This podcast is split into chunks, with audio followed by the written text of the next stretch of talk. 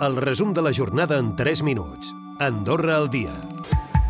El govern preveu ingressar 5 milions d'euros pel nou impost sobre la inversió estrangera en immobles. És un càlcul prudent, ja que entrarà en vigor per primera vegada l'any vinent i actualment no se'n tenen referències. L'import s'inclou dins el capítol d'impostos indirectes, que en total preveu recaptar 328 milions d'euros, un 3% menys que aquest 2023. I pel que fa a la taxa verda, l'Associació d'Importadors i Distribuïdors de Carburants confia que el govern no incrementi més aquest impost. Escoltem el president, David Porqueras. Això és un equilibri que s'ha d'intentar de mantenir. Nosaltres aportem al voltant de 52 milions d'euros amb impostos a, a les arques de l'Estat.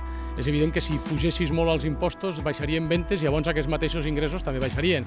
Per tant, crec que aquí és un equilibri que s'ha de, que de mantenir i crec que el govern és conscient que l'ha de mantenir. I no ho escull en la negociació pel conveni col·lectiu del transport sanitari no medicalitzat. El sindicat alerta que el càlcul de les guàrdies localitzables es va fer erròniament i que subsanar-ho suposaria que el govern hagués de posar més diners, un fet que pot fer trontollar de nou l'acord. Les montagnes doivent donc devenir une priorité dans le cadre d'une action mondiale.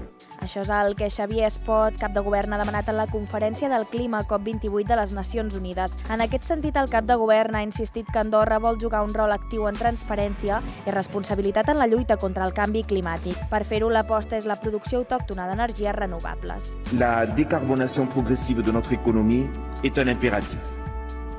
Notre objectif est donc d'augmenter la production nationale d'électricité en assurant un pourcentage d'énergie renouvelable qui ne pourra être inférieur à 75%.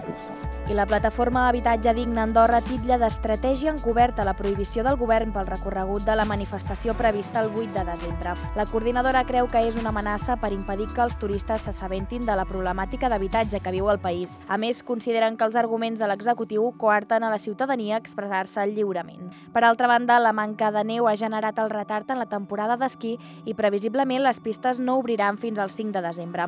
Sectors com el del Pas de la Casa s'han vist perjudicats i això ha afectat directament als hotelers. Les reserves són inferiors a l'any passat i fins i tot hi ha gent que les ha anul·lat perquè no estaven obertes les pistes. Escoltem alguns dels restauradors. Teníem reserves, poquetes, però en teníem i han cancel·lat. Hi havia bones previsions, nosaltres tenim l'hotel eh, quasi ben ple per aquest cap de setmana. Tenim eh, dos o tres habitacions que no van vindre perquè no, es pensaven que obria l'estació i no... I ara fins al dia 5 no, no està previst obrir. Les reserves, a falta de neu, lògicament, són, són poques. Recupera el resum de la jornada cada dia a AndorraDifusió.d i a les plataformes de podcast.